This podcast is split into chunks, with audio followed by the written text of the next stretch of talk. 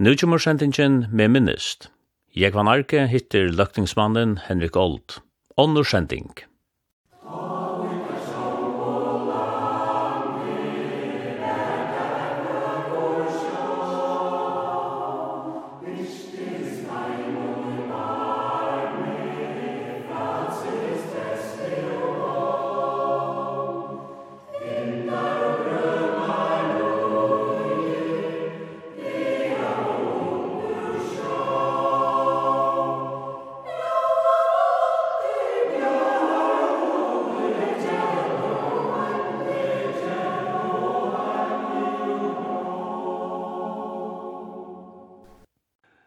henne fyrir først du i skola så var i vei. Ja, det var jo en stor evgir, men det var ikke nægget man slapp undan seg for litt. Det var i april måned i fyra og ta ved det såleis når man begynte å gange skola om var i. Så april i fyra så får vi i fyrsta klasse. Som jeg har skilt, jeg har ikke haft så godt skilt at det minst til tingene, men Jøtte Lodvig, hon har haft kontroll av det hele, det er jo bra møtst, henne fra Arer, som begynte i skolan. Og var, han så ille var strøy og fjøret som begynte. Så det var en øylig skæri. Men uh, det var så løs at røntgene gikk i klasse for skje, og jentene for skje i vatnaskolan. Så tingene var etskilt, det var en sinte skiljuisk, hver gang jeg dreiva i beinja på når. Det som jeg alltid, nå er det øyla nok snakk om skoler og alt det der, men det som jeg alltid var nok spesielt, det var det, å få ikke skolen for klokken halvkon tutsi her alai, godt halvkon tutsi om morgenen, Og det er ikke tvart høyma fyrra part og tvart høyma sætan part. Men til tann måneren er du ikke skjula lærreisen. Men ellers var det en ikke særlig langur, det er myndeligheter. Og vår etskilt som vi nevnte, men vår i Tiger hei sang, og taig så seitene, man kom langer opp med for i holdt vi fysikkina, så var reisen samlai. Ellers var det etskilt, jenter og drøntjer. For det første hei kan nok så langa vi, og som bor i Vesteribø, så nok så tullgjerne fikk i fæter enn sykkel som jeg så sykla i skolan vi, da jeg lærte å sykla så frett. Det har jeg så vel på, det er jo for til døren. Det var jo fast til så stort siden det ble sløyfa. Så jeg skulle langa vi og i hendene jeg var signa jeg tøymann og utadrett. Det var ikke alltid jeg får lukka vest til hus til døra. Mamma må jo bo i Vestekjåken da, så at um, hun var i huset, så at mamma må jo være ferdig krampen av gørene, hun arbeidde i krampen av gørene, nok på 40 år. Så det var ikke alltid at jeg kom til at Vester, men så får jeg inn av en til åkeren, mamma var ikke, eller mamma søster, og kan nok være til døren her. Mamma var ikke, men var i en Martini av hans høren, hun gjorde det alltid akkurat godt. Vi sågs, så her fyrirtrekte jeg at røyna at sneita fram vi, eller oppi ikke alle frit, alle, om syster men alt etter hver noe det er hei. Og det som vi er, og sommar i tjokken, for jeg kom til edingina, som er nok så viktig part, Så var det at jeg sista sylten kom, det var mitt og sommer, Jørgen Olsen og der, så var sylt til døra og i kurgen til einaste einen hus nesten. Og var det neka jeg ikke kunne fordreja så var det etter sylt til beinene, det stoppa jeg opp til jeg fikk det første beinene i munnen. Så jeg rønte jeg lukket som jeg leit etter hver og et annet var åttan sylt til døra, men det var ikke alltid nevnt. Men her som sogsvær, her kom man så mossa noen eple på. Så det var fint, men og var heima til døra kun eneste det og så ut etter tvær timer. Lærerne ta, her ble alle råpte vi etternavn. Jeg vet ikke hva det var, om det var så fint eller hva det var, men Berg, han ble råpte for Berg, han heter Jakob Berg, og Samuel Johansen ble råpte for Samuel Johansen, men Peter, Sofus Petersen ble råpte for Petersen, og Jans Larsen ble råpte for Larsen, så han ble alle råpte for etternavn. Så da Erling ble lærer, Erling Poulsen, så sier han, han heter Erling, og det var sånn han heter, og det skulle gråpa. Så han blev så bara ropte för Erling och grej så Erling rockning. Ja, så han spelade Holm som blev ropte för Holm, han är ju grej. Onjuskan. Det var ju ett problem så onkel som inte ja, för jag ser det som det var som inte trymt jag läser på hemma. Tog jag att eh, vet han näka som inte trymt det sälja och sommar det väcker gott. Så att jag sitter hemma och läser. Och kvar jag för att skifta klassa, var uppe ett så er det halva vegna slagsmål om hvor det skulle slippe sitte ut mot vindan. For jeg såg ut av fjøren. Det var her som nekka fyrige, som åker hei interesse i dronjen i hvert fall. Så jentene her, da jeg kom til realskola, så ble det huskompa igjen igjen mot mien og mot vetsjen. Men det var alltid slagsmål om å slippe sitte ut mot vindan. Så Jan Jore sier onket det, hva signa vering, hitje onket det på at halvene, av til, som man fikk okkur vi. Men, men, men det er ikke fint, altså, det Ja, ja, hvor så godt det gikk, det vet jeg ikke, men jeg halte at det som jeg sett i øyla stående prøyser på, jeg hoksa ofta om at han at man er blevet vaksen, at han klarer i, vi har gjort det som jeg at han klarer i at få åker som ikke tømte, at gjøre noe, særlig ikke gjøre noe hjemme. At dama vel skolan, jeg halte det var en brakt, altså, det var en konster å få nekra fyra som ytla tømte og og ikke et hål av siden i det. Hver jeg klokka ringte, så ble Ronny og Kappa slepp ut nere skulle leie spille fotboll. Og det var hver eneste frukker der og spilte fotboll til skolen. Det var nok spesielt, så jeg hadde jeg kan nevne eisen i at det ikke hei sang som var utkort sammen, så var det fjøret Og det var ikke noen nem oppgave å halda kilo av fjøret som skulle synsja, og helten hei ikke evne til å synsja, eller ikke nåt, eller hva det var. Men Berg rønte så som friast, Og anker til om hestet, så stod vinteren i åpen, og flere og, og råpte bare at det var ikke sjanker. Det rådde jo om at hvor kunne råpe herast. Så anker til, da vinteren stod i åpen, så kom jo jord sin og sier, fei vinteren i etter, til at han arbeid silt nere i tjuten, så det ikke ble forstått. Vi silt arbeid. Jeg hadde jo over overhilt jeg sang, tøy man var ulig veldig stottligere, tøy det var ulig heile banden samleie. Og så for sykkelen til Larsen som kom seit ned, han er interesserar og gjør det nok forskjellige forsøk, og eit vær som jeg minnes særlig og tydelig, en som er Linjon Kjellbæk, han var holde kvalpinger, og mamma var kvalpat, han var fereste kvalpa. Så hei han en klumpa karpet i attevisje, og det skulle Jans Larsen gjøre en forsøk vi. Larsen er så et kakaoblikk som han kordi hål og i endan og i, i, i bottenen, og så lå sett ui, og så etter karpet, det skulle så veta seg synd, og så en tennstykke fyrir. Så var en veld og bolter og yes, det var det nyeste hett, så jeg gjorde gjort med at man her ikke sprang alt i luften. Men det var en veld og bolter, og, og det heldig å være fantastisk, og det var mitt landa i parter av fysikkene, vitenskapelige parter av fysikkene, etter vi karbeten og, og skåten.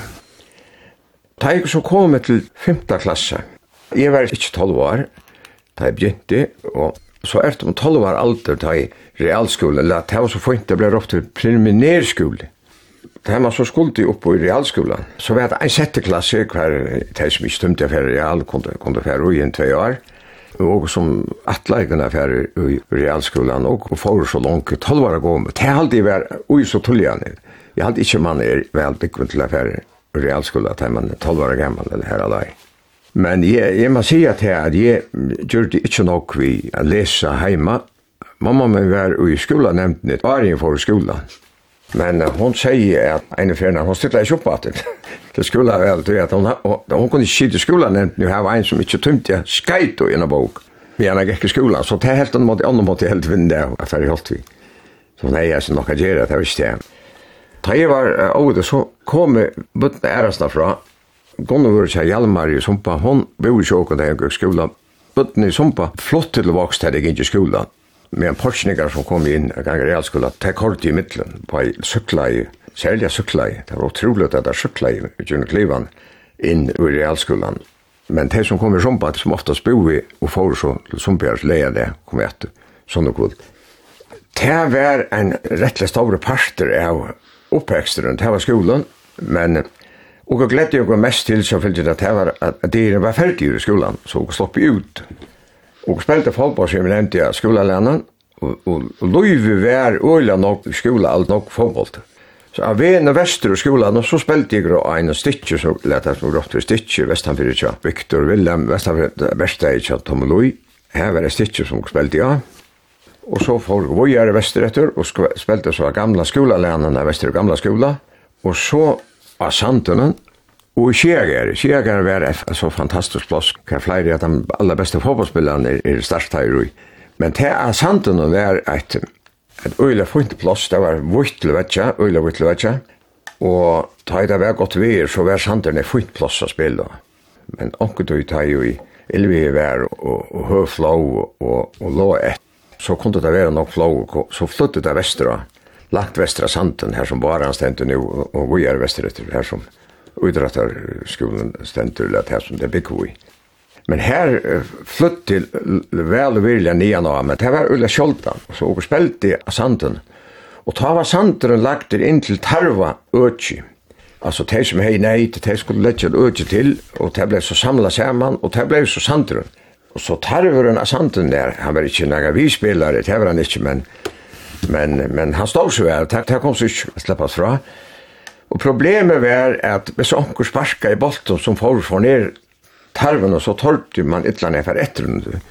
Och jeg hade at det blev så lugga som en, en, en sånn semje om att, at han som sparka i bolten i till tarven, han skulle själva för ett den. Och det hade jeg gjort i öla månader. man blev mer värre vi att sparka bolten västerbotten sanden. Men här är sanden kom folk allastan från Alltså vi nejten som skulle till Tarsa. bare vei, det er sådana åttan fra vei, men eisen i Ukron og och här alla og kanskje ångt i parter i eisen. Så det var et sånt plåskar at man upp ta i ångt och kov inn i kik til Tars. Så det fyrir ikke alt av sanden. Så man er nok mer samband i någon annan på alle matar. Og det var et øyelig funnet spilleplass. Vi nu var det så gyr inn i øyelig flott og bött spela att det ju det ser öjliga nossligt ut det var en sånn tennisbane, hvis man hukte ordentlig etter, så var det et sinter hekkri, et petti, og ta her var det ene for tøyene, just til en tennisbane.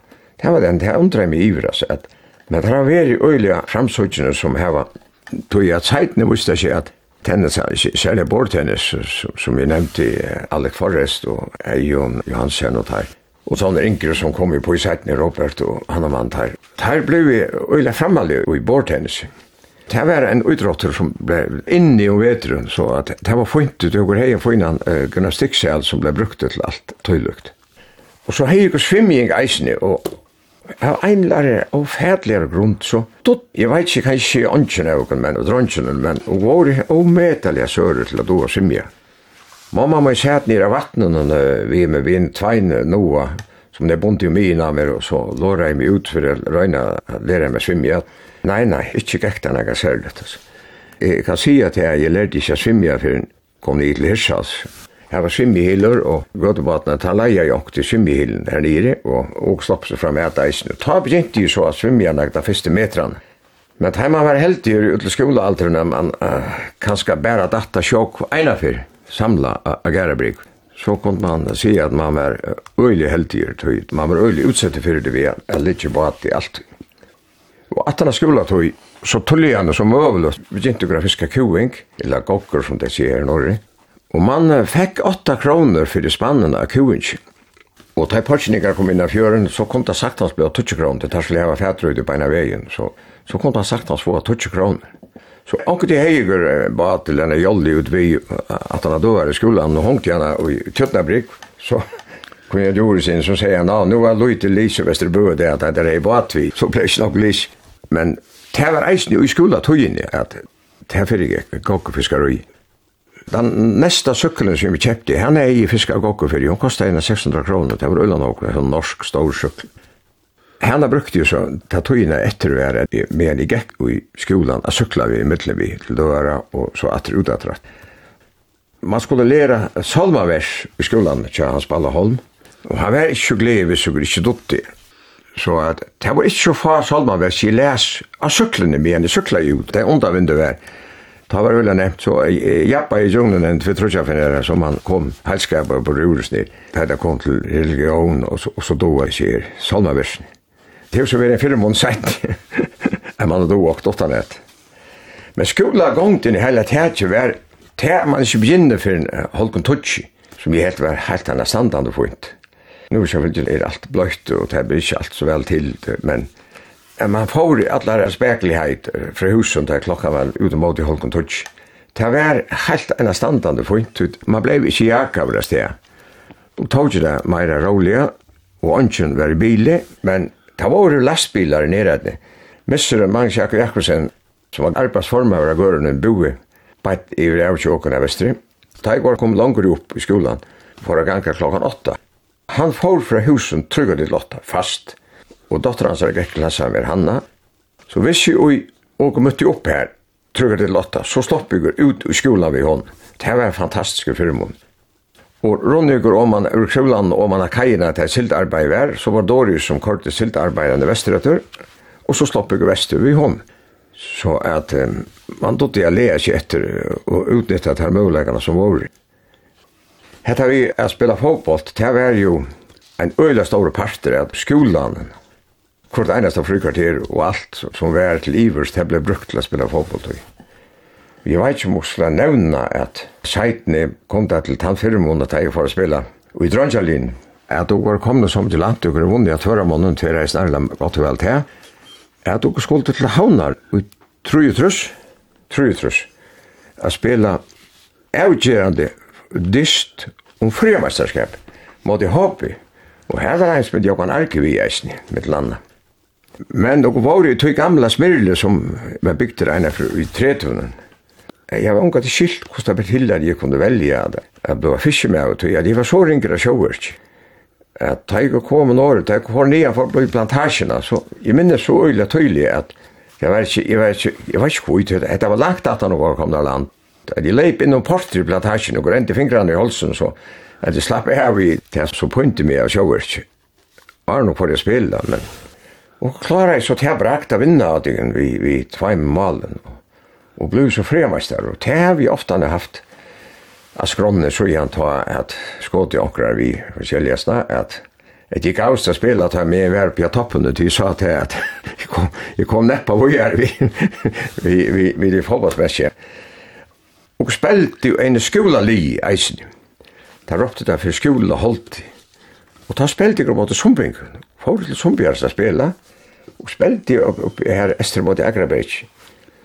Og det skroa i sånn og at det bolteren for om han er, og det gikk en gåløt og sånti nyer i boia til en, var færen om han er tretter, til en av kom nyan at.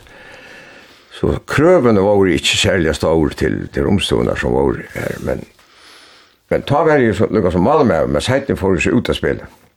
Vi halte det verst han evna til at med gode viner Sverre Midtjord var trenare, så dronjalin, så tvorrer. Og var i var ofte han i rådsen til å komme sammen i tingen om det. Det ble eit mal mot Joko.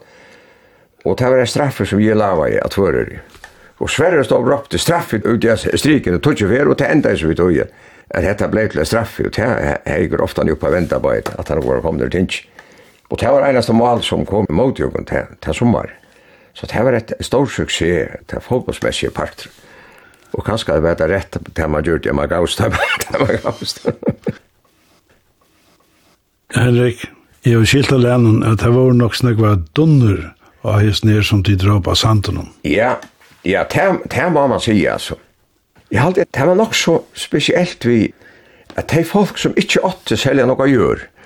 Det var veldig ojant, som vi åtte nok, men det som ikke åtte noe gjør, det er heit han fyrmånen, det kunne få seg flere dunner. Og donnen er ikke bare vilt, altså, nere i Åsane var et hev av donnen og så opp i sanden eisen her, som var eisen spilte fotball, men altså, och det var så och kom etter sanden her klokkan 12 om kväll til eller seitni, og, og forstår jeg donnarna så bär det så kärklig sjanker samtalen. Och det hei donner, det var en viktig parter av tog at, for jeg fick ju för det första fikk man donnek og så om hester så blev donna slakta igen. Det man ikke åt nok kjøtt, så var det fantastiskt utkast til sundagsdören for eksempel, altså at, heva donner, stokta donner, og det som er vi tog, det var det at pappen tar, tar skilte nok, fast pappen tar skilte nok til Aberdeen, og tar kjepte åndjusk egg, som tar så hei heim vi, og leie under donner heima. Og eisen i høner, man leie eisen i høner vid donner Så vatna er om sommari, så måtte man ganga spekelig om kjallsorna, til så hei han litt en ølkassa vi, en av donner og en annan ølkassa vi, okra donner og okra kassa, og Så lå vi alltid ein og tver donner, og så åker hei opp i 16 donner, som man så slakta i bort av til tutsi korsir, så seks var etter og etter. Og mamma min får ut i gærakram på klokka 9 morgen, og ta får donnerna opp av slæge klokka 9 om man har vattni, og hun kom heim til klokka, klokka 6 om fullt, eller godt og vel til, og ta vår der atter her, så funnet det etter her og fiska i øyla nokka, glupa i nokka mort, smasa i og mort, selja, er utfyrir vaskurna gørn, der det rann ut her, til donnerne, altså. Og det var enda så fint at okkur det var vaskurna fotler av banktorski, så åker skåret lipper, da jeg var godt og vel begynt å gange skola, så klarer jeg å skjere lipper, av banktorski, det var som en lokve så stod, det var en fantastisk mæt, jeg sa lipperna, Det var så nok var til at anker du løpte det til Donnareisen. Nu uh, kan man kjøpe en rätt också her i, i min hamn för en 400 kronor jeg tror jag för lipp. Så det er en öjlig brøyding. Det var en, en nok så fasta koster å bruke lipper till då reisen. Vi skulle aldrig vara här en parter av dagligen skaffa och det är inte. Hvordan gikk vi skolen, sier der? Ta i samme omkom? Nei, jeg halte at, uh, altså, Nu råper man nok om hva det er en suksess. Man kan ikke si at utslidet var noe suksess, altså, tror at Og funnet her som ikke kunne fordreja, så er sikkert ikke ensam at rom, at karakterbok, og det var ikke det mest oppmuntrande i verden. Det kom tog bedre, kom det ikke ordentlig firma for enn den premierskolen. Så flere fyrna, så krokva jeg gjerne oksene, særlig kjallaren, og sier det at jeg glemte han etter skolen, tja, flere av dem som vi minnes det etter å, som kanskje ikke dotte okkur til man skulle giver høyrast så hei man tann omkyllningen, det var en uh, grulig ettervendet omkyllning, man har glemt bogen etter. Mamma min spurte meg okkur, hvordan det var vår en karakterbok kom, jo, jeg glemte etter skolan, sier. Men så en dag så fyllde det, så måtte hun ha vært, og det var ikke den beste. Oppmuntrande, jeg sørte at det var sindalut utslitt, det var så tydelig at dette var ikke noe vei fram, så man måtte finne på det annet. Men jeg fikk eit uke, det var det hekste karakterer som ble rått for uke, og i skolan, og det var så utrolig det var, det var i fysikk til Larsen.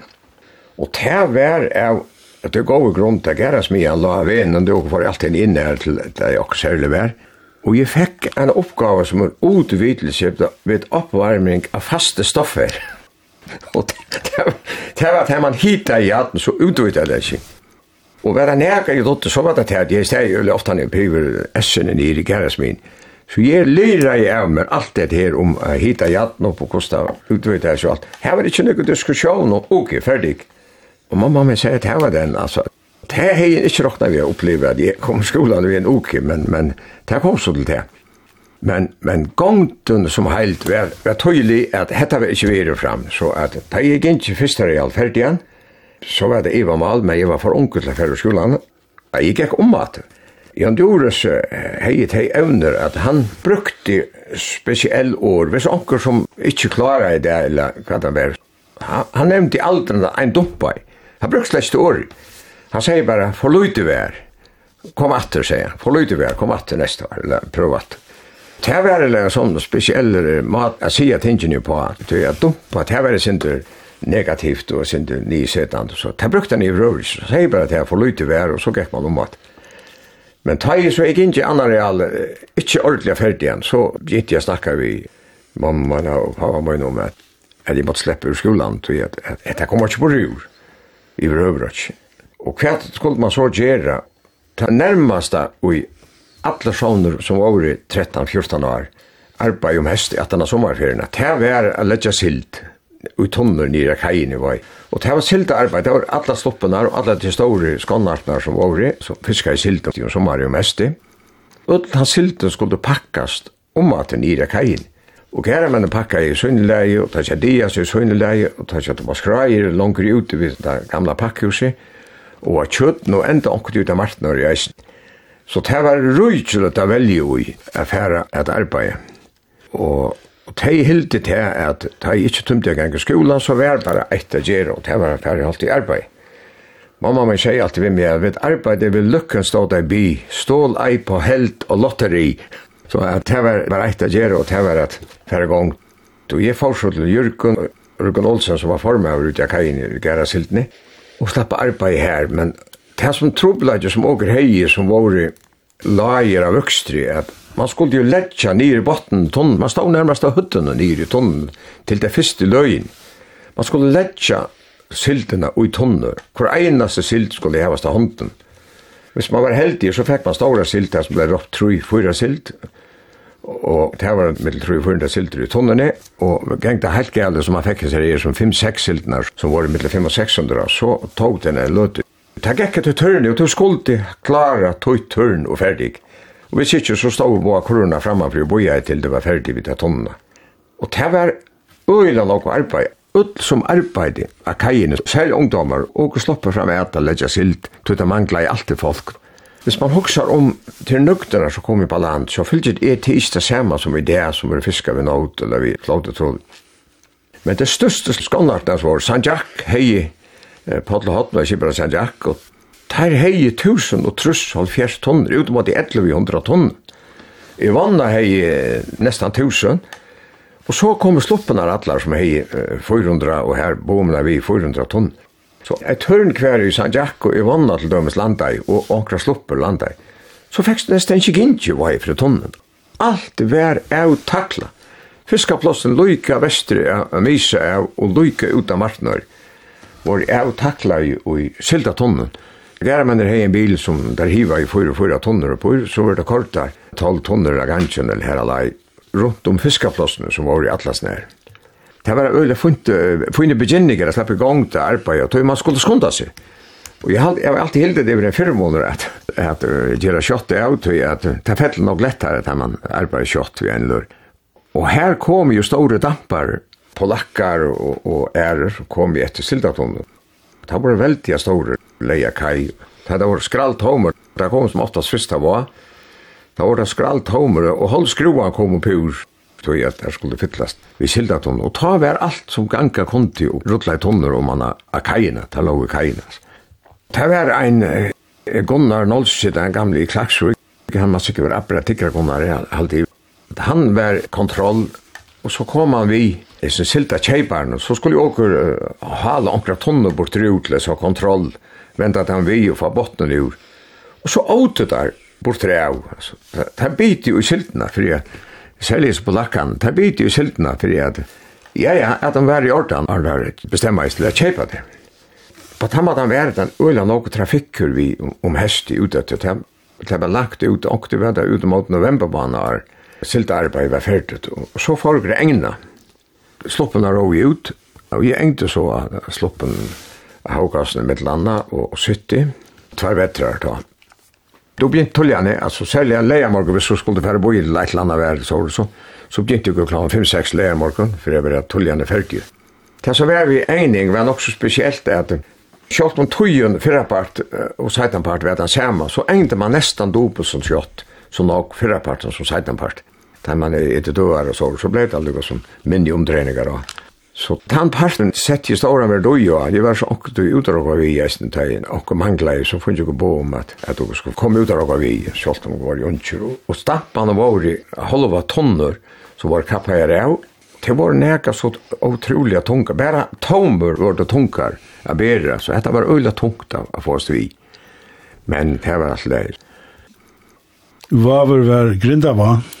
Ja, ja, det må man säga. Det var ju helt fantastiskt. Och Ta i grinta på våri, og særlig at jeg så til skolan, så var Angebøen, så størma i alt av sted. Og Erling lukka som røynt i halvt og etter, og han, han sier Arne og forrige sted, så skulle jo synkja, letje ut Arar og restlige rock i vers. Og det ble hurla i djungen, På 0,6 så var det her synkja i djungen, og så storma i sted. Ull som var i skolan, ferdig tann deg, det var ikke skolagongt. Og han kan det bedre, det var en grinn tulligane morgen, og så heima fru i den ja. Jeg var ofte i bate til pappen min der 80 i trollarnen, som ender til til bete. Noen skille menn som var vilt igjen ved Lyka. Arjen for skolan slapp i langt, han sier at jeg skolte i alt. Han var kommet på den eldre endan da, og, og slapp i atri uh, sitte på at den eisen. Det var nok stor chanse til at ikke, men, men åpenbart helt der at det var rett at dere slapp vi. Det var en fantastisk opplevelse. Grindabatan ble ditt når man tar i man sa at grinten sannsynligvis kom i drapet. Han var kommet inne mot i en nubil her alai, så ble grindabatan flott eier og ta fyllt i gråtøy, som tar så hei til at kasta vi for å få gang da. Og her var alt, altså alle, bare motorbatar og grindabatan tar som er i til enn, det var i alle i drift. Det var fantastiske ideer, Så folk kommer sumpa, og porsninger kommer, og hoppingar kommer, tar som hørte til der grinte øtje. Og alle skåre nøyrer på trur, det var alltid fast en grinda det så heiker nøyrer til dør. Det har vi lykka som brukt lykka til det inn i det at det har vi koka i nøyra tai og i grinda dyr. Nå sier jeg det til at man skal ikke eta grinda nøyrer, men jeg vet ikke om, om jeg vet ikke når jeg skal eta det. Jeg vet hva for nok, og vi halte stadigvæk til at grinda nøyrer smakka og fætlig godt og at vi rurte sinnopp i sånne her pulversinnoppen, som man alltid hei at vi koka her i grint. Jeg heier mamma sister Famjøn, Gare Sanna, og ta i grint var av Vestersøyne så får hun nesten alltid til Famjøs. Så gint jo til Famjøs, her som får av eiene vi bater rådhus av Hylgerøtt, og hei motor, men er det gint jo til Famjøs, og, og hon hei Da heima så boi jeg til Seland kom jo ut. Framje får folk ikke gong til voksater eller tvører eller kvalbjer eller hva det var. Så det får jeg inn til akkurat det kjente. Og nesten alle som var i veiet, her kom jeg inn av gulvet av Sanne i Kjuragæri. Og hun hei en påse hangade inn i en rummen i en av køkene. Vi håsen ui, en heila påse, så alle funnet torrar håser av fer ui, da jeg tar kom jeg her.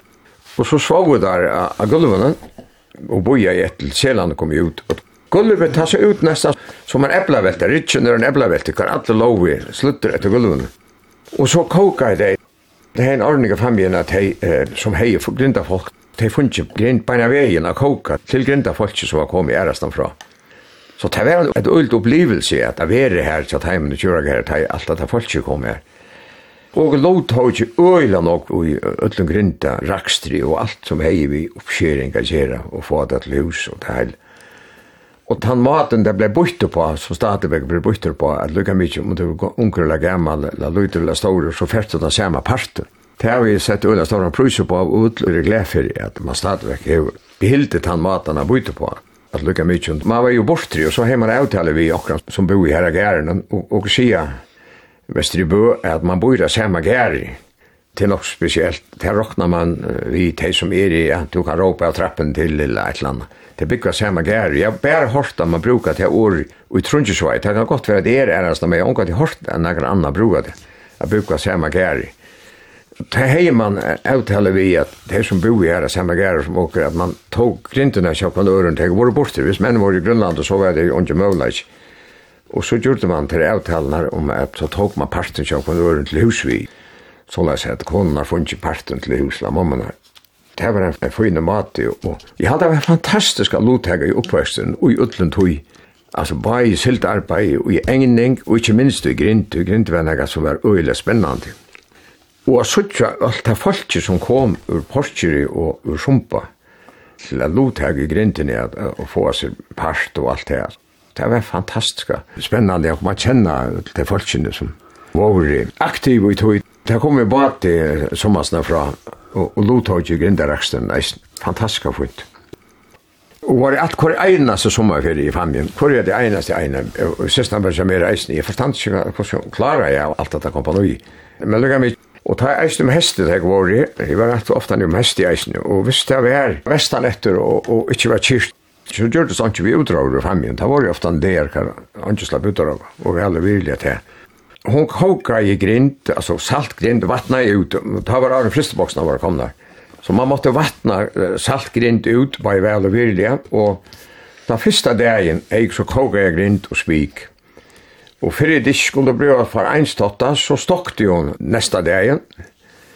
Och den tredje dagen Det var det som jag helt var mest fantastiskt. Ta tog hon köttmaskinerna, få det till fars Hon är väl nere och läst och så hon är sett hur man gör det fars. Så hon mål grint jag har det lejk och, och, det, och klappa i där till ja att frikadeller närmast. Alltså. Köttfrikadeller av grint eller tusti.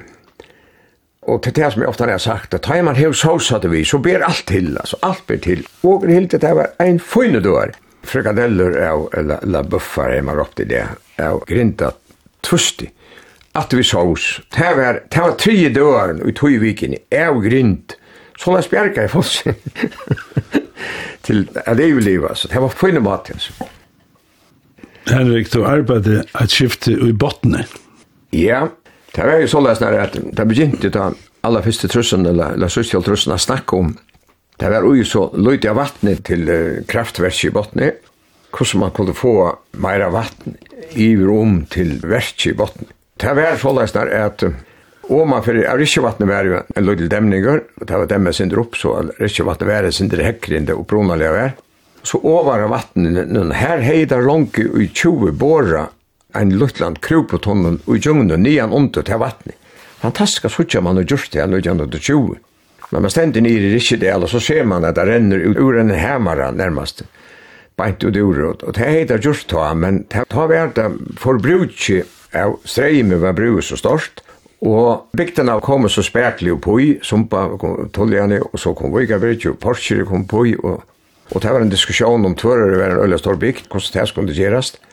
Det ble så lagt ur kabler ledningar ble strekt etter fjutlene til av UP-len, så at tvørere kom på i eisen. Og det gjør det til at kravet til vatten ble så øyla nok større enn det ellers hei veri, men det bare var oppi. Så blev funnet fram til at det rett var å gjøre en tunnel ur bottene og opp under vattnet, mitt av vattnet i Håsdal. Og det var rett og langt stretch å gjøre, så at det ble så ferdig under det første trussen. Det var et veldig prosjekt hvis man hokser om, for at i Midtland, hvordan Midtland var, altså, det er heiet var. Det har ikke vært nervøs for att starta når jeg prøver Og her skulle så folk, både, det var en danskere ingeniører som stod fyrir du, og Palli Vestmeninger var formøver for boreingenier, og så var det menn og vei som bora i. Jeg var her oppe nu, da jeg hundra halde vær, da var Eien Johansen og Kissaba, Kristian Mortsen, og var Ja, det var fag som etter året, Niklas Thomas var ein, som var etter enn i det oppe jeg falt, som var vi til, til arbeid. Men jeg var så unger at jeg slapp ikke å båret, jeg, jeg er ikke kreften nok til å båret. Så jeg var um, nærmest han som koka i kaffe og, og syrte for at jeg funnet, det var en barakk her, syrte for at jeg funnet eta og alt her var på plass og annars måtte roi reisen. Så jeg var her det meste av en år.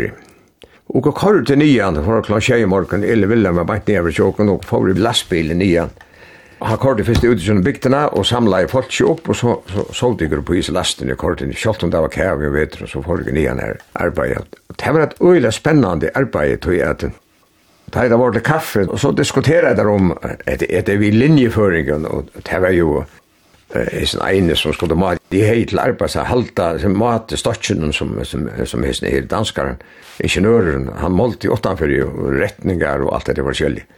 Så glansade där vi, det var inte ut att han var bange för att Anto kom där ute i Portugal eller kom där ute i Famjön. Vi, han kom näpp på under vatten i Håge i, i rättningen.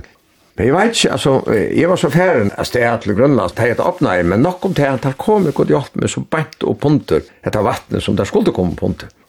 Og det gjorde så til at støyen i botten fikk så øyne noe mer av vatten, så ble det noe ledning lagt av trætur som var åren, og man her. Og ta arbeid i alle disse vanlige mennene i båren, og ta kort i ut av kinnaren. Det var nægger som var av det holdene, ta leie i kinnaren og gjør det alt arbeid i åttanfri, så var det nægger som bor i. Så kort i en sånn tåk ut og inn vid gråten, og det ble så koppa åttanfri, og ta store dunje la her, en parter er etter evnen enn det var et fint arbeid. Jeg minnes det at siltarbeid fikk 2 kroner og 40 timer. Og en handskar, tonner handskar som hun brukte, Det kostar 5 kronor, så det gick inte tvär timmar för jag få för en att de tonn i handsken. Det var så lönen för en par 30 kronor. Det var ju i förbottna arbete. Det var ett öjla fint arbetsplats. Några av dem var förvirrande fiskemän som valde affärer och vi höll vi att borra ett er. Det var väl luft och det lamtera i näka så skräckligt. Och det var otroligt att det var alltid som båren. Du det var högtast, det var lagt mer än en mansett, lagt mer än en mansett upp och så tunneln tog tågvagnene kortet, utan å komme ned i den søgnen, ut og inn her. Så det var en stor tunnel der. Og i det har jeg en, en, en av de smerre personbilen lettelig kunne jeg kort inn av botten ut i tunnelen. Så det var et øyelig stort prosjekt av her i gang til vi.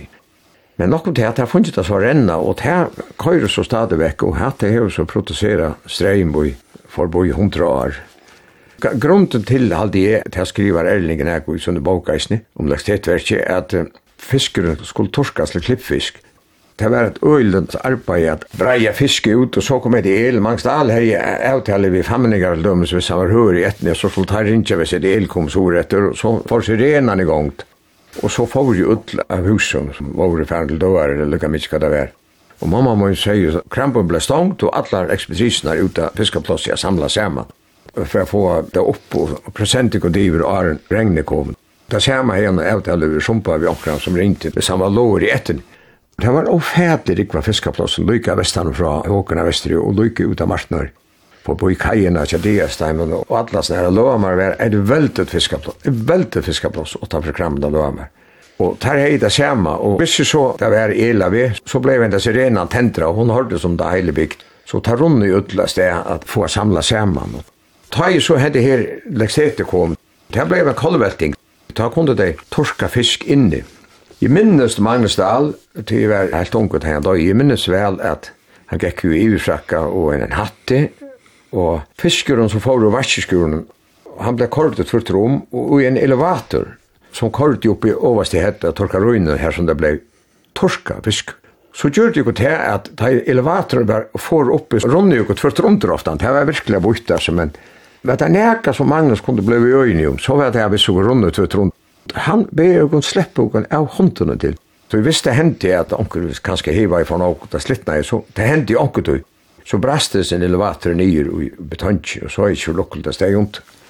Fiskarbeid var nok rundalega i fyrri at leksthetet kom så langt. Altså. Så hendte tunnelen som kom ta til trussen, han gjorde til at øyla nok meira framlast, ta krav jo meira, streim. Det her klarer jeg der å halta i flere, flere, flere år framgiver eisen. Tog jeg at um, man gjør det seg tunnelen, altså. Ja, man kan huske om hvordan fantastisk det har lagt fyrri. Eisen vi er fra rørene vestrom, da jeg gjør det det første. Så stender opp jeg er og hikker nere i botten og, ser at det har sleipes i rørene nere. Det er en kolossaler innsats der jeg fører deg av fjøren og vestrom så heter jeg proppa enda endan så tar flåten og glunta og sleipa etter seg på land. Det fyrst, jas. Det var helt utrolig stått alt som sucha alltså pyrkakärm. Så det var et av arbetet sammen. Det var arbeid i botten fra da jeg var en 14 år, jeg var en 14 år. Det var kom mer av noe långt. Det var så en part av man kan ikke se skolagången, men enda av skolagången kanskje.